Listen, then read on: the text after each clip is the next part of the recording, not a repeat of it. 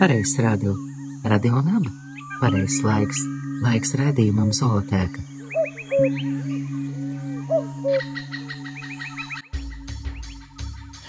Sveiki, mīļie klausītāji, arī netik mīļie un visi pārējie. Jūs klausāties Latvijas Rādio 6, Latvijas Universitātes Radio Naba. Mans vārds ir Sandrs Adminis, un šis ir 2021. gada 2. oktobra raidījums Zootēka, kas veltīts dzīvnieku aizsardzībai.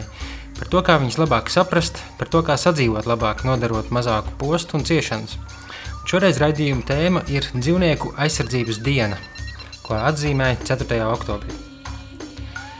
Bet pirms es ķeros klāt tādam pārgājienam, pārskatam par uh, kopš seniem laikiem līdz uh, jaunākajām mūsdienām, par dzīvnieku aizsardzību, kādi pavērsieni ir notikuši, kuri cilvēki ir bijuši vismaz daļa no ievērojamākajiem, ietekmīgākajiem šajā jomā, par dažādām jaunām idejām un konceptiem, kas tikai palēnām kļūst pazīstamas arī Latvijā. Pirms tam nedaudz par jaunumiem dzīvnieku aizsardzībā Latvijā un pasaulē. Tātad vispirms zooziņas.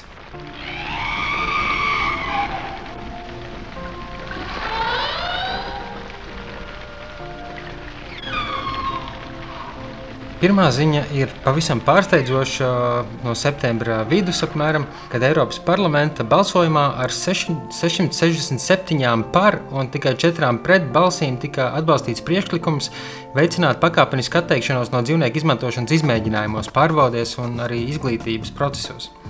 Parlamenta deputāti vienojušies, ka ir jāstiprina un finansiāli jāatbalsta centieni veidot šīs pārmaiņas jau drīzumā, atsakoties no dzīvnieku izmantošanas minētajās praksēs. Likumdevēja ziņojumā teikts, ka deputāti apzinās dzīvnieku izmantošanas noderīgumu medicīnas attīstībai un tā tālāk, tomēr pieprasa līdz 2022. gada beigām izstrādāt Eiropas Savienības mēroga plānu ar ambicioziem un sasniedzamiem mērķiem un noteiktiem datumiem pārmaiņu ieviešanai. 2018. gadā dažādiem izpētes nolūkiem, piemēram, izmantoja 8 miljonus dzīvnieku Eiropā. Lai gan šis skaits kopumā ir gadu sarūk, deputāti aicina pārēju veikt ātrāk. Briselē, Briselē bāzētā organizācija Eurogroup for Animals šo notikumu apraksta kā vēsturisku brīdi dzīvnieku aizsardzības kustībai. Citēju. Beidzot ir uzklausīta Eiropas pilsoņu prasība sākt atteikties no dzīvnieku izmantošanas eksperimentos, lai pārietu uz cilvēkiem relevantu zinātni. Modernās pētījuma metodes, kas balstās izpratnē par cilvēku bioloģiju, rodas ne tikai dzīvnieku aizsardzības vārdā. Tās ir arī izšķiroši svarīgas, lai sasniegtu Eiropas Savienības mērķus vides aizsardzībā un sabiedrības veselības aprūpē. Tādi lūk, interesanti jaunumi un gaidām turpinājumu. Un otrs zooziņa no Latvijas saistībā ar lāčiem. Sociālajos tīklos pēdējā laikā parādās video un arī fotomateriāli ar diviem pusaugu lēcēniem, kas tapuši Ziemeļvidzemē, Igaunijas pierobežā. Sastapšanos ar šiem lēcēniem ir fiksējuši gan sēņotāji vai meža strādnieki, kā arī tagad jau māju īpašnieki. Šie dzīvnieki esot ļoti neticami neparasti droši, un to arī apliecina viņa ierašanās Valkas novadā Āņu māju pagalmā, kur viņa sētā netraucēti mielojās ar plūmēm, nebaidoties pat no gaisā raidītā šāviena. Um, laikam tas šāviens viņus aizbiedēja tikai uz 20 minūtēm, un tad jau viņi bija atpakaļ.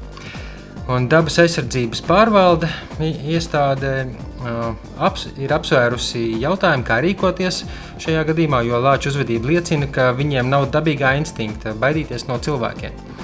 Un tagad, piekdienas rītā, bija preses konference dabas aizsardzības pārvaldes rīkotā, kur tika pastāstīts, ka šie lāči visai ticami ir ienākuši no Igaunijas, kur viņus visticamāk kādi cilvēki ir uzaudzinājuši, līdz ar to viņi nav iemācījušies dabisko nu, baidīšanos no cilvēkiem.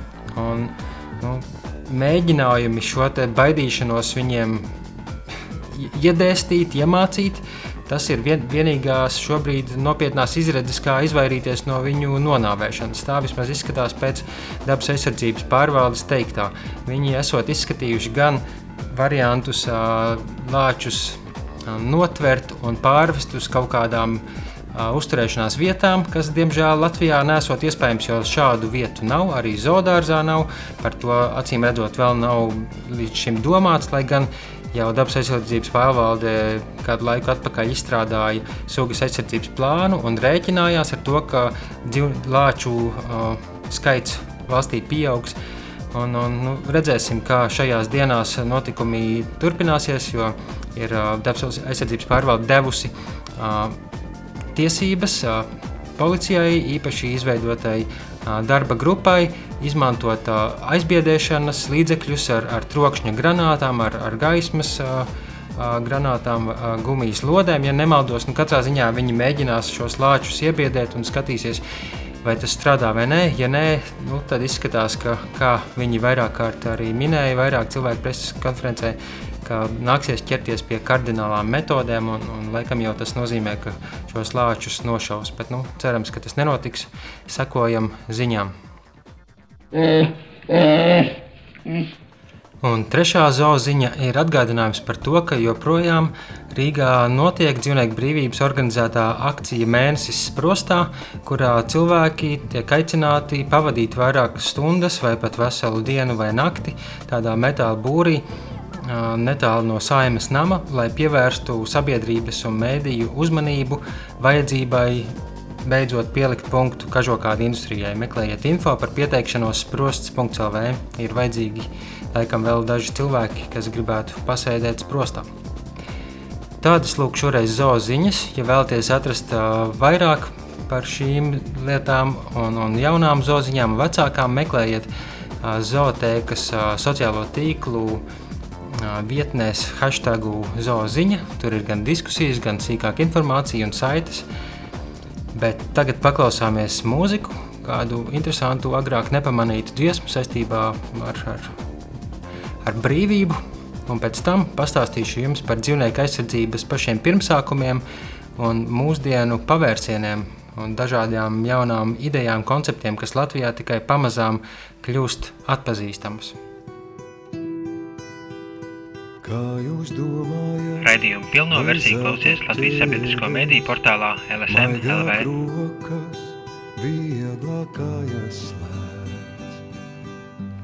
Jūs klausāties Latvijas Rādio 6, Latvijas Universitātes radio naba, raidījums Zootēka. Tikko dzirdējāt Imanta Kalniņa un Zigfrīda Muktu Pāvela kopdarbu Brīvības dziesma.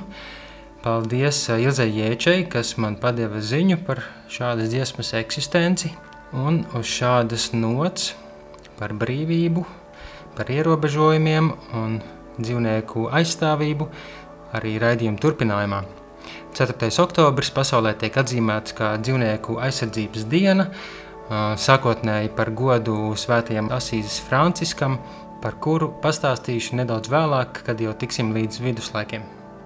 Šeit jāpiebilst, ka savulaik studējot Latvijas Universitātes vēstures filozofijas fakultātē, es uzrakstīju arī bakalaura darbu filozofijā ar nosaukumu Cilvēka un dzīvnieka nošķīruma ētiskie un juridiskie aspekti kur pētījuma ietvaros es arī iedziļinājos, kādi tad ir bijuši tie ietekmīgākie vēsturiskie domātāji un mūsdienu domātāji, filozofi, kuri ir noteikuši to, kā tad sabiedrība mūsdienās uztver dzīvnieku aizsardzību, dzīvnieku tiesību idejas, dzīvnieku labturības idejas.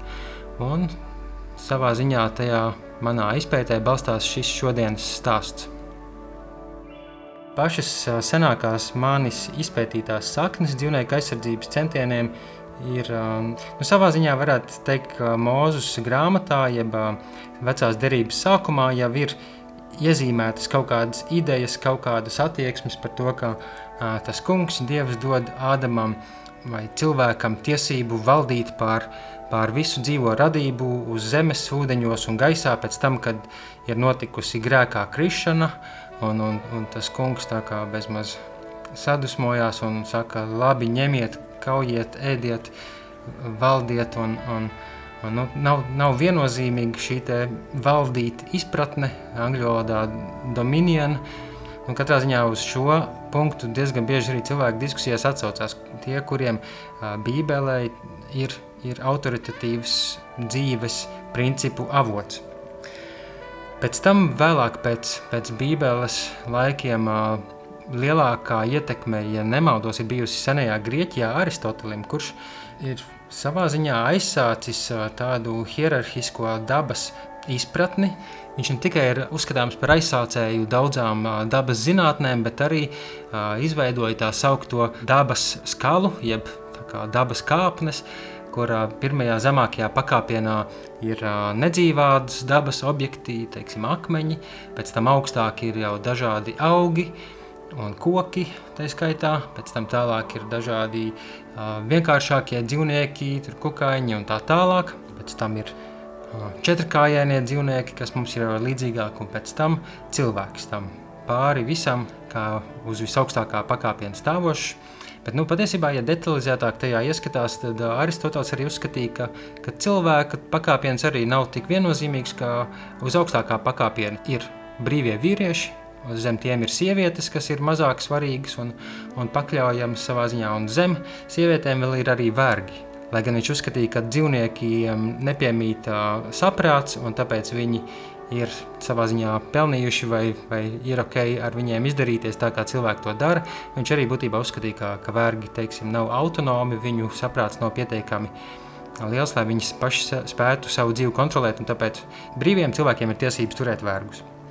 Un šis tāds uh, hierarhiskais skatījums diezgan lielā mērā līdz mūsdienām ir saglabājies, uh, tikai pakāpeniski uz to sāk skatīties uh, citādi. Starp citu, arī senās Grieķijas laikos Aristoteļa laika biedri aptuvenie bija ar dažādiem uzskatiem par šo tēmu. Piemēram, kopumā delfīni tika uzskatīti par teju dievišķām būtnēm un, un aizsargāti. Un bija arī tādi prominenti tēli kā Pitagors, slavenais matemātiķis, filozofs, domātājs, kurš aktīvi iestājās par dzīvnieku aizsardzību un nosodīja dzīvnieku upurēšanu reliģiskos rituālos, arī dzīvnieku ēšanu viņš it kā esot noraidījis un aicinājis savus skolniekus, savus sekotājus neēst dzīvniekus. Tāpat arī Teofrasts, Plutarhs, Porfīrijs, kurš sarakstījis tādu īpatnēju tekstu ar nosaukumu par atturēšanos no dzīvnieku nogalināšanas. Tā kā kaut kādas idejas par dzīvnieku aizsardzību vismaz jau parādījās to laiku Eiropas pusē. Un vienlaikus arī tālajā Āzijā notika jau pirmie aicinājumi dzīvniekus audzēt, nenonāvēt. Un spilgtākais šai sakarā ir valdnieks Ašoka, kas uh, valdīja Magadanas impērijā, ja nemaldos, 3. gadsimtā pirms mūsu ēras. Tie vēsturiskie nostāstīja vēsta, ka viņš savu iekarojumu gaitā ir tik daudz redzējis varmar, varmācības un asins izliešanas, ka viņš vēlāk pieslējies ir budisma idejām par nevardarbību, par ciešanu, nevairošanu un tā skaitā uz saviem visas impērijas teritorijā izliktajiem tādiem tā kā likumu stabiem, esot iekalis arī aicinājumu vai prasību nenogalināt un nemedīt dzīvniekus. Protams, grūti pateikt, cik lielā mērā tas tika īstenots, bet nu, tāds uzstādījums ir bijis jau 3. gadsimtā pirms mūsu ēras Indijas teritorijā. Un kopumā tā sauktais ahimsa, jeb nevardarbības princips jau ļoti spēcīgi iesakņojies gan džainismā, gan budismā, gan hinduismā un, un izpaužās arī tādā ziņā, ka Indija joprojām ir viena no valstīm, kur dzīvnieku ēšana notiek vismazākajā mērā. Tas, protams, nenozīmē, ka dzīvnieku aizsardzības normas, principi tur ir augstākajā līmenī. Diemžēl tik vienkārši tas nav. Pēc tam vēsturiski dzīvnieku aizsardzībā ir diezgan ilgs, uh, dīvains klusums. Varbūt es neesmu vēl atradis kādus uh, ievērojamus domātājus vai, vai notikumus dzīvnieku aizsardzības sakarā, bet nu, kopš nu, nedaudz pirms mūsu ēras sākuma līdz apmēram 16. gadsimtam nekas daudz nenotiek. Viduslaikos nostiprinās uh, scholastikas skatījumā Aristoteļa pārliecība par, par dabas tādu hierarhisku sakārtojumu un cilvēku pāri visam. Un viss ir pakārtots cilvēka vajadzībām, Dievs ir ielicis to mūsu rokās savā ziņā. Nu, arī jau sākumā minētais Asīzes Francisks, lai gan ir simboliski dzīvās dabas un dzīvnieku aizgādnis, nu, tomēr īsti nav saglabājies vēsturiski nekādu liecību par viņa pavisam tādu praktisku ietekmi vai, vai ideisku dzīvnieku aizstāvību, ies, nu, tās ietekmi tā laika sabiedrībā. Bet no otras puses, atcaucoties uz viņu un viņa aicinājumu novērtēt dzīvās dabas kā dieva radības skaistumu, vēlāk par baznīcas tradīciju kļuva atzīmēt 4. oktobri kā, kā svētā Asīs Franciska dienu, Un, un kopš 1900, ja nemaldos, 25. gada, pateicoties vācu kinologam Cimermanim, to arī atzīmē kā dzīvnieku aizsardzības dienu. Un baznīcās notiek dievkalpojumi, aizlūdzot par dzīvniekiem, arī viņus svētījot. Šķiet, ka Rīgā Torņkalna baznīcā tas joprojām ik gadu notiek ar, ar īpašiem dievkalpojumiem saistībā ar dzīvnieku aizsardzību. Varbūt vēl kādā baznīcā neesmu dzirdējis. Nu, vispār jau arī kristīgās draudzes lielā mērā vēlākajos gadsimtos ir bijušas iesaistītas agrīnajos dzīvnieku aizsardzības centienos un uh, organizāciju biedrību dibināšanu. Bet nu, par lūkšanu un svētīšanas noderīgumu dzīvnieku aizsardzībā nu, tas gan ir vairāk tāds miglātīts jautājums. Un pēc tam tikai 17. gadsimtā parādās pirmie lielie pavērsieni, pirmie zināmie dzīvnieku aizsardzības noteikumi, likumi, kas tiek izveidoti īrijā, tolaik 1635. gadā un tajos tika aizliegts plēst nost vilnu aitām, piestiprināt arklu pie zirga astes, un tas tika aprakstīts kā, kā nežēlība pret zvēriem, un pamazām arī uh, līdzīgas idejas parādījās ASV Massachusetts līča kolonijā, noteikumi par, par mājdzīvnieku aizsardzību, pamazām arī tas šādi likumi parādījās Lielbritānijā, Lielā mērā pateicoties tam, ka Olivers Kromvels, valdības vadītājs, 17. gadsimta vidū viņam personiski nepatika tā sauktie asins sporti, piemēram, gaļu cīņas, gaļu mešana, suņu cīņas, arī kaut kas līdzīgs vēršu cīņām, tolaik aktuāls un vēršu skraidināšana, lai padarītu viņu gaļu mīkstāku. Pamazām arī šādi likumi parādījās citās Eiropas valstīs, bet interesanti, ka apmēram tajā pašā laikā, 17. gadsimtā, dzīvoja viens no mūsdienu un vispār vēsturiski ietekmīgākajiem domātājiem pasaulē - francūzis Renē Dekarts, filozofs un arī matemātiķis, kurš būtībā aizstāvēja domu, ka dzīvnieki atšķirībā no cilvēka ir bez nemirstīgas dvēseles. Nu, viņš tā uzskatīja reliģisku apsvērumu dēļ, un līdz ar to viņš uzskatīja, ka dzīvniekiem nav spējas uh, apzināties ar viņiem notiekošo, līdz ar to viņi nejūt ne sāpes, ne ciešanas, neko tam līdzīgu. Un līdz ar to Dekarta skatījumā dzīvnieki ir drīzāk uztverami kā bioloģiskas mašīnas, kā tādi automāti. Un, un tāds salīdzinājums, ko es mēdzu bieži pieminēt, ka nu, vi, viņa, viņa sekotāju izpratnē tas, ka suns kauts, kad tam noder sāpes, ir uh, izskaidrojums tāpat, ka, ka tas, ka uzsitot ar mietiņu pa zvanu, mēs dzirdam ding, un viņš uzskatīja, ka dzīvnieku gadījumā tas mehānisms ir daudz komplicētāks, bet līdzīgi kā ar zvanu, tur nav nekādas apziņas klātbūtnes, ka tā ir tīri mehāniska cēloņa sakarība, ka dzīvnieks necieš, un mums līdz ar to ir jāignorē šie signāli, ko varbūt intuitīvi pirmajā brīdī mēs izprotam kā dzīvnieku sāpes. Un lielā mērā šāda doma pastāvēja vēl ilgu laiku pēc Dekarta, un iespējams savā ziņā tam piekrīt un šādu uzskatu arī uh, turpina cilvēku mūsdienās. Neilgi pēc tam arī parādījās uh, vācu filozofa, arī viena no filozofijas smagsvariem Imants Kanta uzskatīja pārliecību par to, ka mums dzīvnieku aizsardzība ir nepieciešama ne jau pašu dzīvnieku dēļ, ne jau tāpēc, ka pret viņiem mums ir kāds morāls, ētisks pienākums, jo viņi nav saprātīgi, viņi nav spriestspējīgi, bet mums ir pienākums pret līdzcilvēkiem. Un, ja mēs kaitējot dzīvniekam, teiksim, nogalinot, nositot suni, mēs mēs sarūktināsim cilvēku, kas ir suņa īpašnieks, tad mums to nevajadzētu darīt. Šī iemesla dēļ, nevis tieši paša dzīvnieka labad. Tādas īpatnējas domas valdīja vai vismaz aizsākās 17. gadsimtā. Par to, kas notika tālāk, pastāstīšu pēc mūzikas.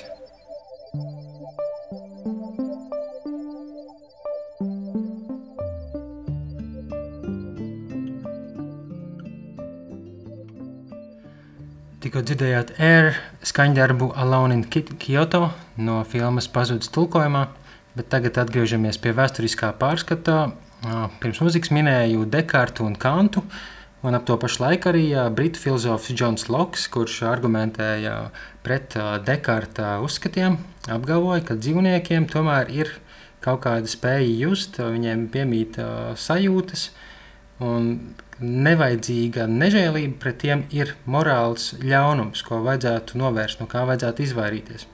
Tomēr viņš, līdzīgi kā Kants, kā jau es iepriekš minēju, tomēr uzskatīja, ka šī morālā rīcība ir drīzāk pienākums pret cilvēku, nevis pret konkrēto dzīvnieku.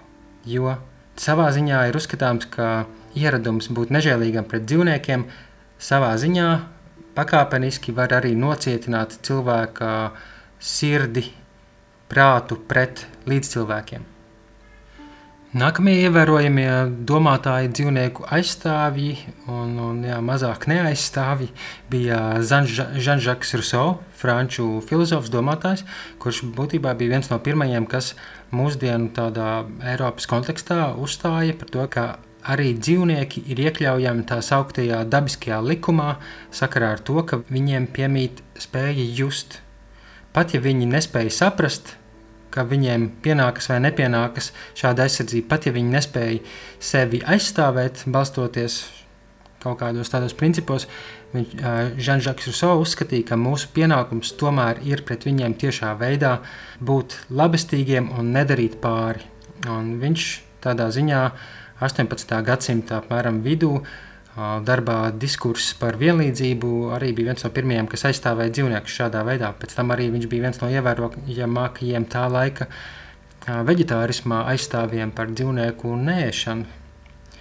Ap to pašu laiku arī Anglijā, mazliet vēlāk, Jeremijs Bentems, viens no mūsdienu utilitārismā ētikas pamatlicējiem, viņš gan iebilda pret uh, Rousseau ideju par dabiskajām tiesībām, kas, kas piemīt no, no dabas, jau visdažādākajām būtnēm, nevis ir cilvēka radīts.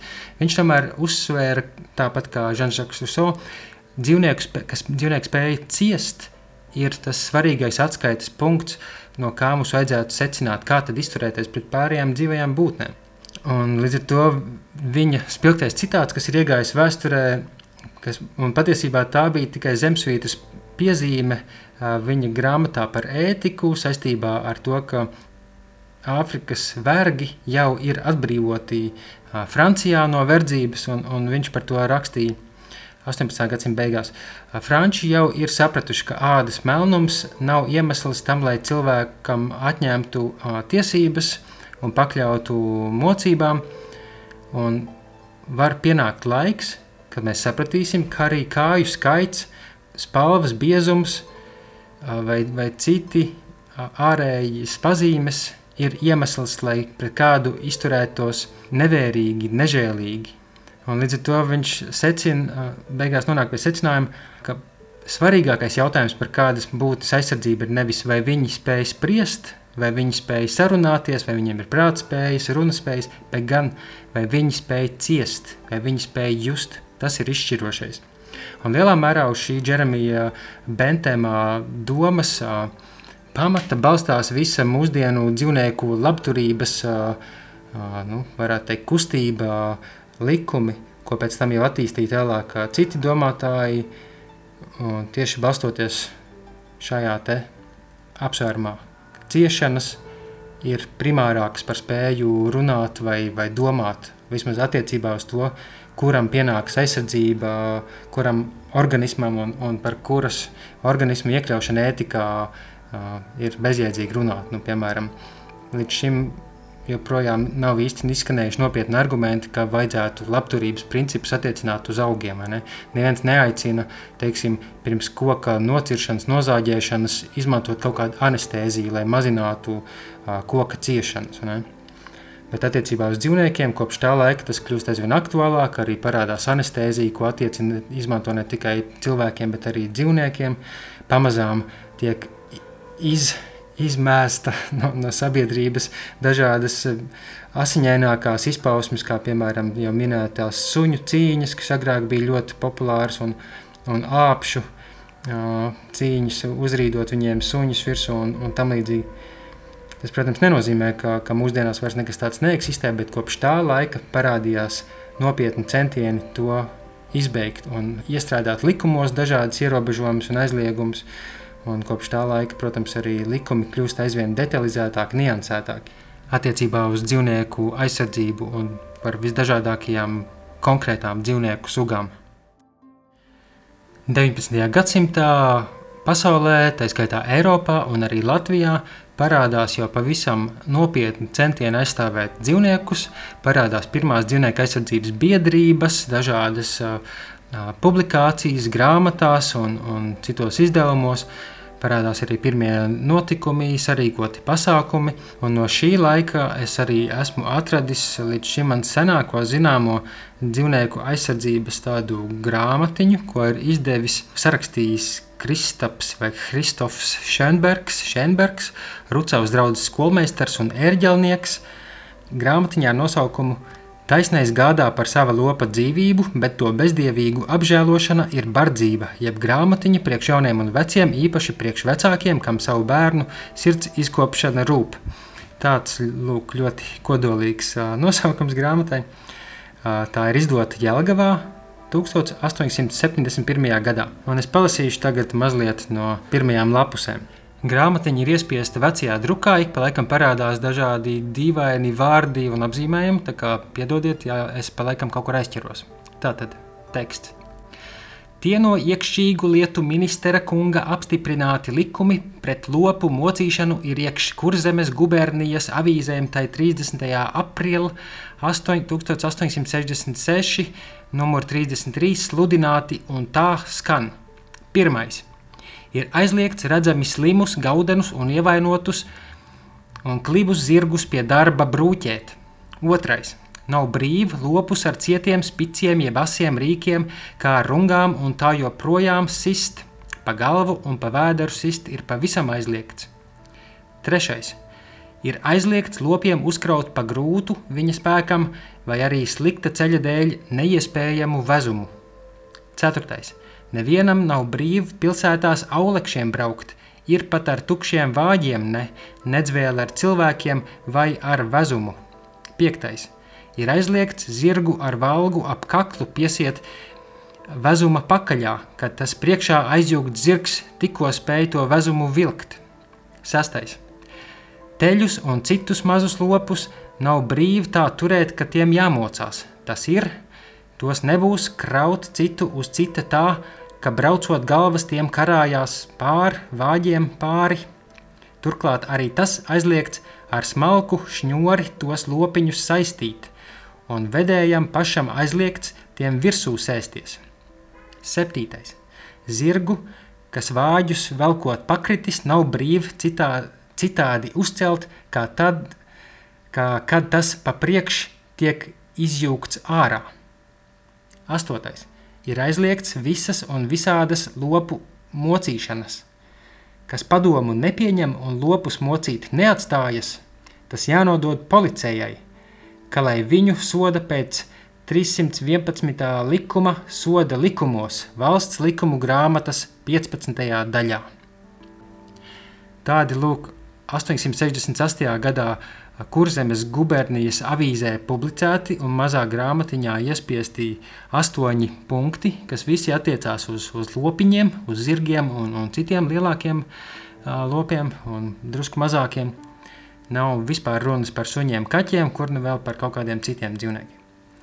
Tas vēl ir nākamo desmitgāžu jautājums. Un turpat nākamajā lapā uh, Kristofers Šenbergs, kurš ir Rucavas draugs mācītājs, skolmeistars, tātad nu, savā ziņā skolotājs. Viņš ir arī sarakstījis vai iztulkojis dziesmiņas bērniem par, par dzīvnieku aizsardzību. Arī to es gribētu nolasīt. Man liekas, ļoti amizanti, interesanti, kā par to, to laiku ir rakstīts. Iekš dieva plašās radības, iekš dzīvnieku bara, tur cilvēks iet bez bailības un negantības dara kas prieku atrona lopam sist, tam sāpes darīt bieži, pie tāda nevar nekad mist šis dieva gars patiesi. Viņš pārestību drīz padara tiem lopiem it ar vienu, tos moca, sit un spiež ar var un mērdē dažu dienu. Žēlsirdība tik svētīta no dieva žēlošanā, nolādēta negantība to katrs sirdī mana. Un tad, kad ar sodam izbēgtu tas cilvēks dzīves laikā, tad tak to sots sagaidītu priekš dieva svēta vaiga. Tā tad tāds mājiens par to, ka no atbildības uzņemšanās par nodarījumiem pret dzīvniekiem neizbēgt. Ja izbēgsi uz zemes, zemes dzīves laikā, tad pēc tam pēcnāvus dzīvē nāksies tev par to tomēr stāties Dievu priekšā. Tāda interesanta maza grāmatiņa, ko varēja bibliotekā atrast, izrakt. Un tagad jūsu uzmanībai kritisks pavērsiens manā karjerā. Es nolēmu pirmo reizi radio ietvaros padziedāt, šķiet, ka pirmo reizi. Un es iedomājos, ja jau šis uh, Kristofers Šenbergs ir bijis uh, Rucavas draugs erģelnieks, mācītājs, viņš noteikti arī saviem uh, skolēniem ir uh, piedāvājis dziedāt šo dziesmiņu, un gan jau ir sacene, sacerējis arī melodiju, vai melodija ir jau bijusi iepriekš šai dziesmai. Tā kā es mēģināju iztēloties, kā tas varētu skanēt. la la la la la la la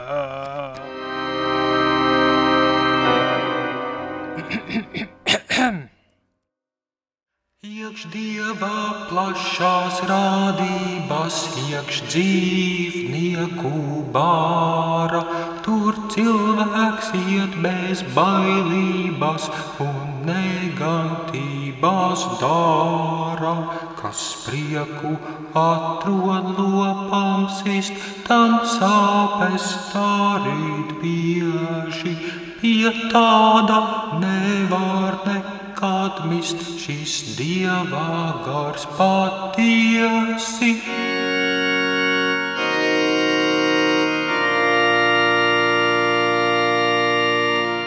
Jā, kā, kā, kā tā. Uh, ja kādam ir patiesa vēlme izveidot melodiju šai dziesmai, es varu iedot uh, visus pantiņu uh, tekstus, un varbūt ir pat vērts uztaisīt tādu amizantu, nedaudz komisku ierakstu. Dodiet ziņu, ja jums nāk prātā jēdzīga melodija. Tas varētu būt interesanti. Par dzīvnieku aizsardzības vēsturi Latvijā es ceru, ka drīzumā parunāšos ar diviem vēsturniekiem, Kristu Kristiānu Kristapsoni, kas jau bija dzirdama raidījumā, kas veltīts pasākumam Aspāzijā et Animalium, kur viņi stāstīja par, ja nemaldos, to sauc Rīgas lopu patvērsmes dāmu komiteju, kas bija viena no pirmajām aktīvākajām dzīvnieku aizsardzības organizācijām Latvijā. Par to varat dzirdēt vienā no iepriekšējiem raidījumiem. Un Mārtiņš Dātovs, vēsturnieks, kurš jau iepriekš vienā no raidījumiem pastāstīja par starpkaru laika Latvijas veģetāriešu biedrību. Ceru, ka man izdosies viņus dabūt rokās vēlreiz drīzumā, lai jau pastāstītu vairāk par šīm tēmām, lai aizpildītu tādus baltos, tukšos plankumus dzīvnieku aizsardzības vēsturē Latvijā, jo tiešām par to ir ļoti maz zināms, maz pētīts. Un, manuprāt, tas ir ļoti interesanti un iedvesmojoši redzēt, ka tik daudz jau kas ir noticis pirms mums.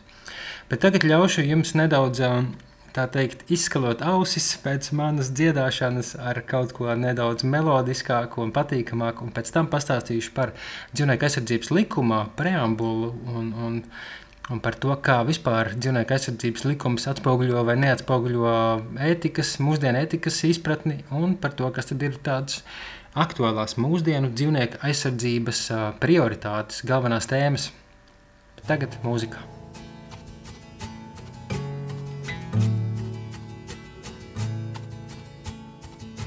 Jūs joprojām klausāties Latvijas Rādio 6, Latvijas Universitātes Radio Naba. Šis ir zootēka raidījums, veltīts dzīvnieku aizsardzības dienai. Šobrīd esam tikuši līdz 20. gadsimtam.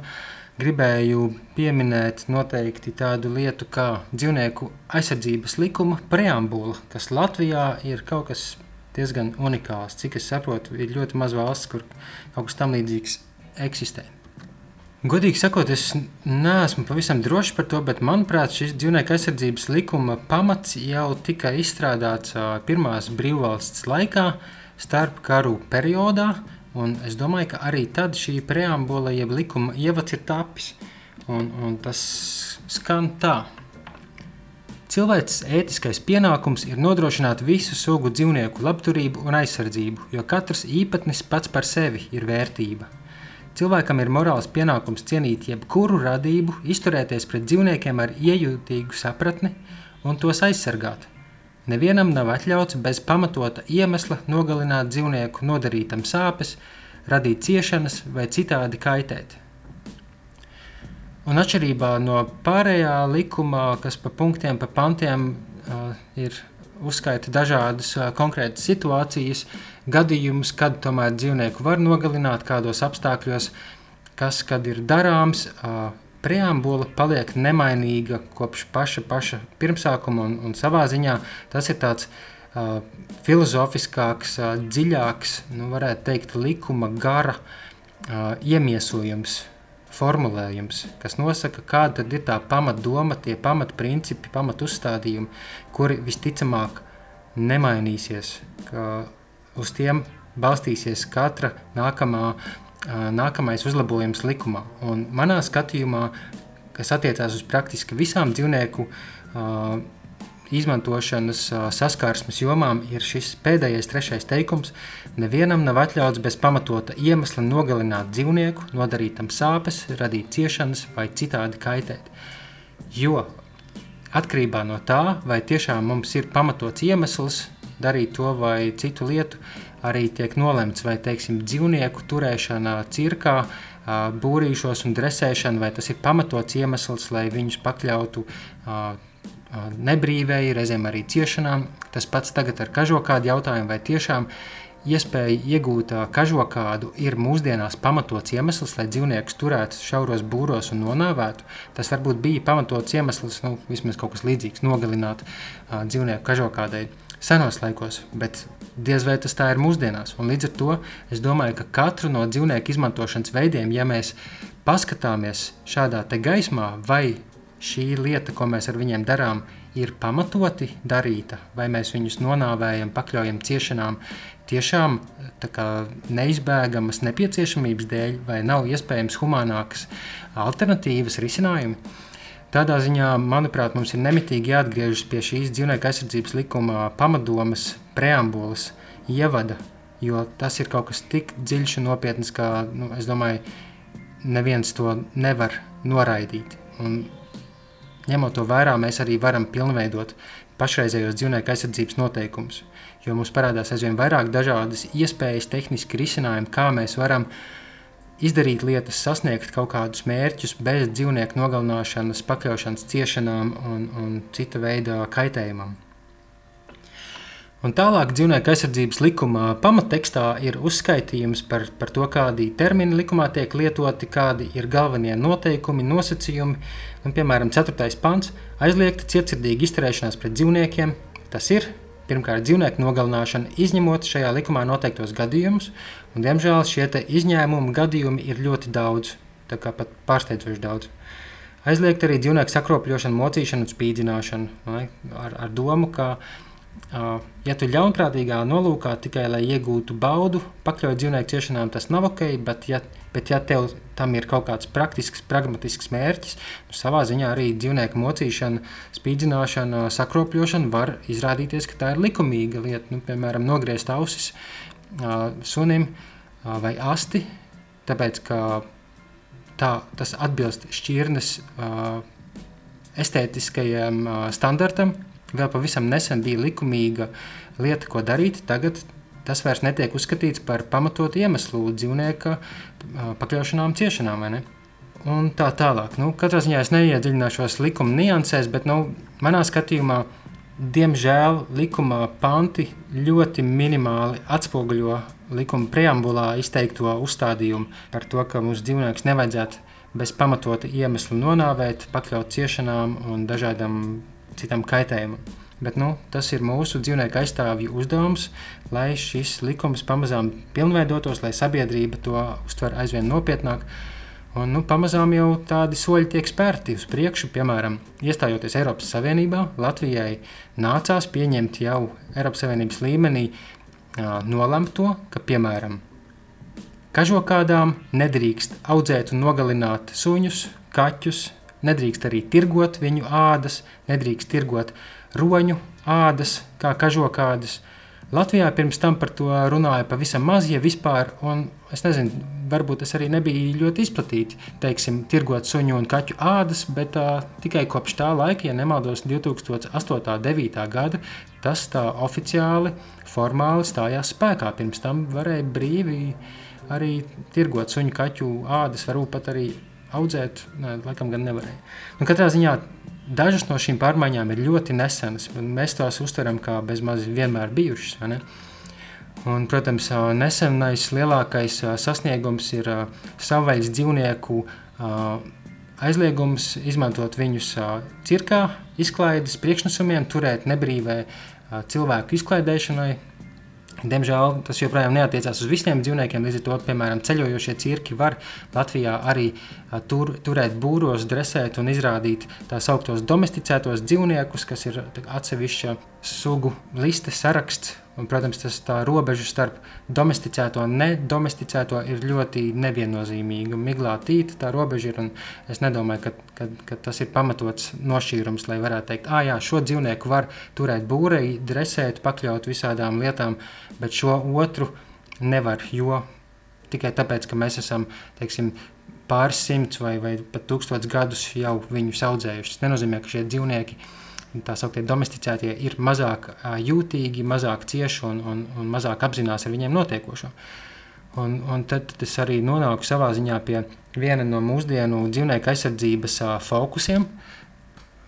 Tā sauktie fermās audzētie dzīvnieki. Ja mēs līdz šim esam vairāk dzīvnieku aizsardzības sakarā, kopš organizācija biedrība pirmsākumiem fokusējušies tieši uz suņu, kaķu aizsardzību, māju atrašanu, patvērsmju veidošanu un tā tālāk.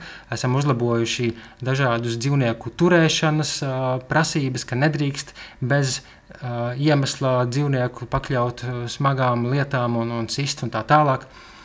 Un tad pamazām mēs arī nonākam pie atziņas, ka jā, arī tie dzīvnieki, ko audzē fermās, nav tik viennozīmīgi, ka mēs viņus varam audzēt kā tādus kartupeļus, ķirbjus, kabačus, ka, ka tās ir sajūtošas būtnes un ka varbūt ne tikai tas, cik lielā būrī viņš tiek turēts un pie cik garas ķēdes, kā jau dziedāja uh, Mukta Pāvils raidījuma sākumā, bet, bet tas ir jautājums par, par fundamentālāku brīvību, vai tiešām mums ir pamatots iemesls turēt šos dzīvniekus nebrīvē, audzēt viņus nogalināšanai būtībā, vai ne?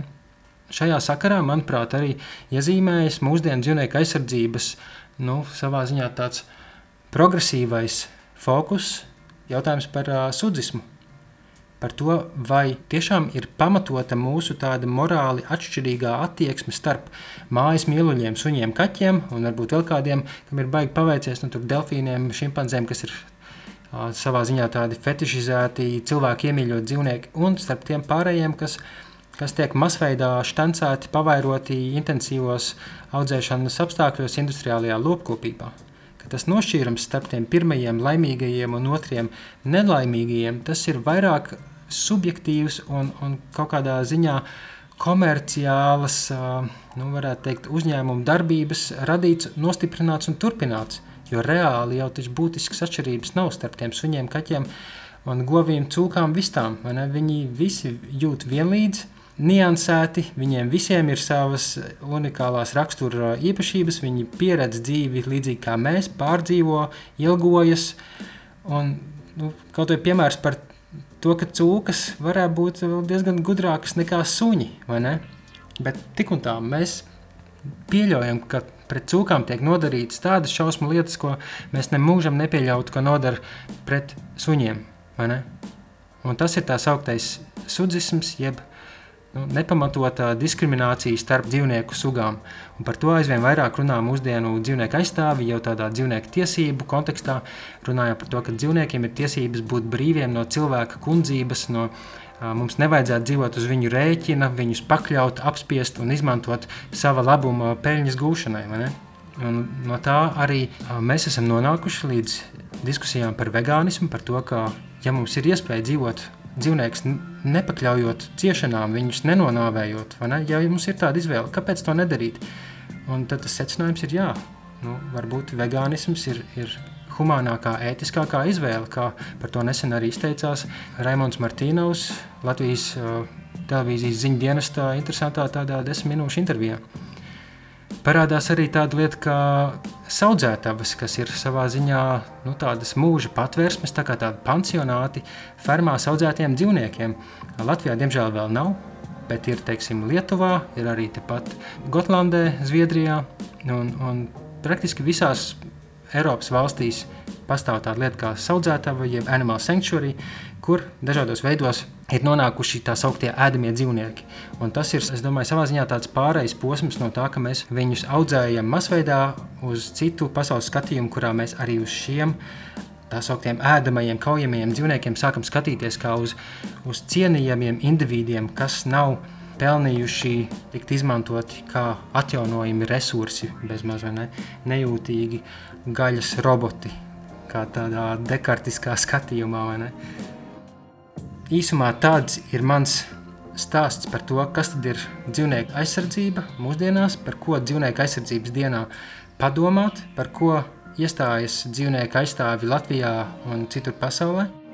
Šis, protams, bija ļoti vienkāršots, virspusīgs pārskrējiens dzīvnieku aizsardzības vēsturē un mūsdienu jautājumiem, kurā nesenāca pieskarties īsti teiksim, jautājumiem par savvaļas sugu dzīvnieku aizsardzību, par mājas mīluļu, mm, nu, tādas kā sociālas parādības ietekmi uz dzīvnieku aizsardzības attīstību arī par dažiem ietekmīgākiem mūsdienu dzīvnieku ētikas pārstāvjiem, kā Pīters Ingeru, Tomu Rīgēnu, Geriju Frencioni nesenāca pastāstīt, bet nu, par to noteikti kādā no nākamajiem raidījumiem. Es ceru, ka jums bija interesanti.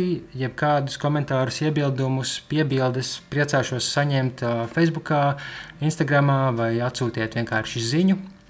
Un, uh, Vēl beigās jāsaka milzīgs paldies vēlreiz visiem cilvēkiem patreon.com vietnē, kas atbalsta manu darbu ar, ar nelielu ikmēneša ziedojumu, jo šo raidījumu es veidoju bez atalgojuma, tāpat kā zooziņas un visu Facebook un sociālo tīklu saturu. Es veidoju bez atalgojuma, bez nopietniem darba līgumiem un tā tālāk.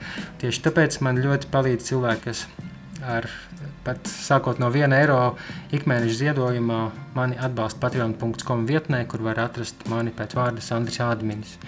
Par zooziņām, kā jau dzirdējāt, meklējiet info sociālajos tīklos, Tāpat klausieties visus iepriekšējo raidījumu ierakstus LSM.CLV lapā, Zootēkas sadaļā, kā arī Spotify un Apple podkāstus, kur varat atrast bez mūzikas versijas, tādas nedaudz īsākas.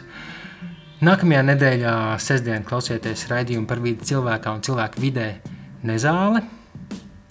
Un pēc tam jau atkal būs nākamā zootēka. Paldies, ka turējāt ausis saspicētas. Paldies, ka klausījāties. Priecāšos, ja padosiet tālāk, priecāšos par jebkādām atsauksmēm un ceru, ka jums viss labi. Un kā parasti atgādinājums pavisam vienkāršs, bet svarīgs – saudzējam paši sevi, saudzējam viens otru un saudzējam arī pārējos. Tā tā.